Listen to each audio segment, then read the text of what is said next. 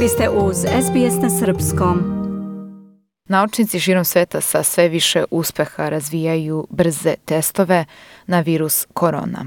Međutim, generalno testiranje ili testiranje na masovom nivou i dalje nije moguće.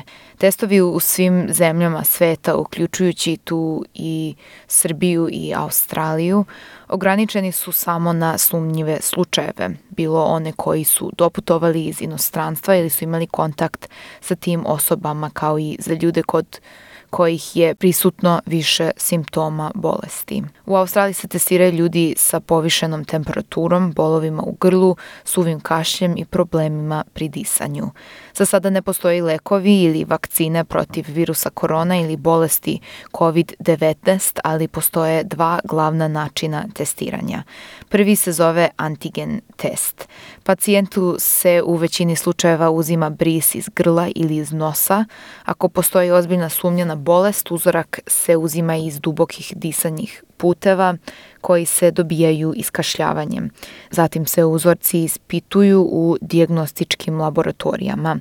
Naučnici su došli do saznanja da su geni ovog virusa kodirani u ribonukleinskoj kiselini umesto u DNK, gde se inače nalaze ljudski geni. U laboratoriji se delovi RNK izdvoje i onda se ti delovi uz pomoć specifičnog enzima pretvore u DNK. Taj odabrani deo DNK se kopira i umnožava u termičkom cikličkom kolu u procesu zasnovanom na takozvanoj lančanoj reakciji polimeraze ili PCA machine. Tada se fluorescentna substanca koristi da bi se identifikovao virus. Antigen test traje oko 5 sati i rezultati su obično dostupni nakon dan ili dva. Ovaj test je pouzdan način diagnostikovanja virusa, ali nažalost zahteva specijalne laboratorijske uređaje i visoko kvalifikovane tehničare koji nisu dostupni u mnogim delovima sveta. Čak i u zemlji kao što je Kina, laboratorijski kapaciteti brzo su bili iscrpljeni s obzirom na veliki broj slučajeva. U Evropi i Sjedinjenim državama državama ponekad postoje poteškoće sa isporukom testova, sa pojedinačnim komponentama testa ili sa medicinskom opremom. Noviji test na virus korona se zove antibody test ili test na antitela, ali je taj test i dalje u početnim fazama razvoja. U ovom slučaju uzorak krvi pacijenta se testira na antitela i ako je osoba zaražena, u uzorku će se naći proteini koje proizvode bela krvna zrnca. Ta antitela se vežu za virus i uništavaju ga. Pozitivan test znači da je telo prepoznalo virus i da se bori protiv njega.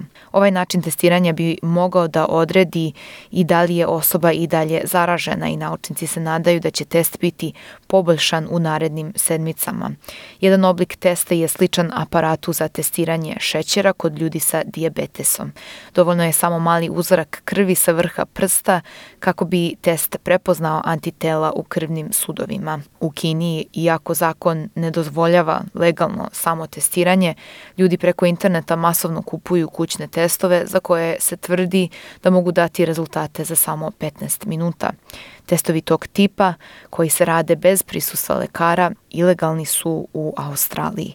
ABC navodi da se za sada ne zna koliko je ovih testova prodato u svetu, ali zdravstveni i medicinski zvaničnici kažu da je potrebna konsultacija sa lekarima i profesionalcima pre nego što se dijagnoza može uspostaviti. Trenutno je najpouzdaniji test na virus, test koji analizira RNK virusa kroz uzorke pacijenta.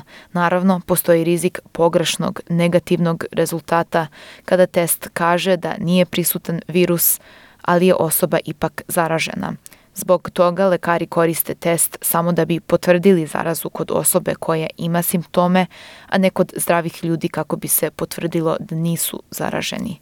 Efikasnost i pouzdanost novih testova na antitela se neće znati dok stručnjaci ne budu razvili bolje znanje i tehnike, a do tada nam ostaju mere zaštite i vera u efikasnost i pouzdanost postojećih testova. Dajte like, podelite, komentarišite, pratite SBS Serbian Facebook profil.